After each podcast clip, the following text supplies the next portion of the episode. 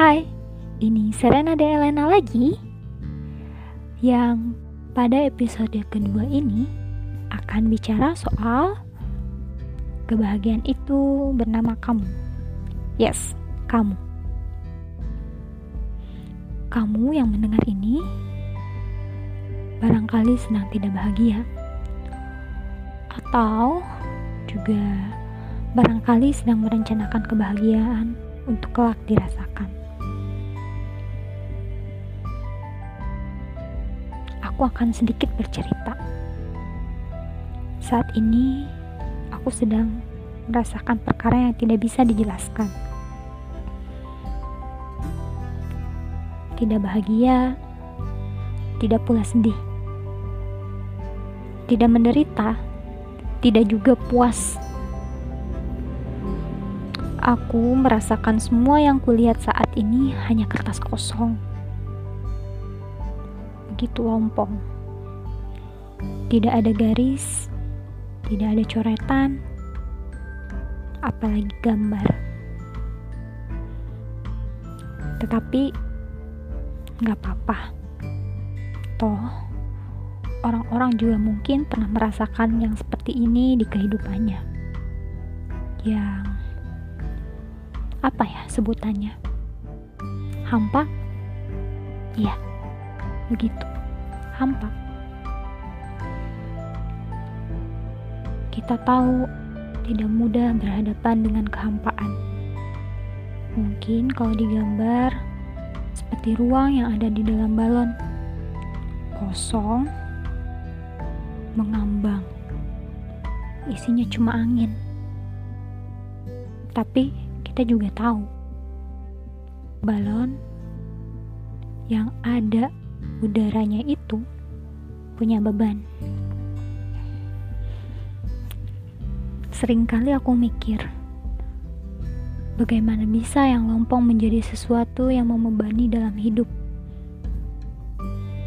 Lalu aku sadar, kekosongan itu artinya tidak memiliki apa-apa. Kasihan. Kabar baiknya, tiap kekosongan bisa diisi sekendak hati. Ya, seperti tadi, kertas kosong. Kamu bisa memilih garis yang akan kamu gambar. Atau kamu bisa tahu apa yang akan kamu gambar. Atau juga kamu bisa tahu warna apa yang akan kamu pakai untuk kertas itu. Setidaknya begitu. Kebahagiaan. Kembali lagi, kita bicara soal itu. Kebahagiaan katanya sederhana. Kita bisa menciptakannya sendiri sedemikian rupa. Tapi ya, gak sesederhana itu juga ternyata. Poinnya adalah ketika seseorang bahagia, orang itu selalu tahu apa arti sederhana. Terus, bagi sebagian orang, mencari kesederhanaan juga ternyata nggak mudah.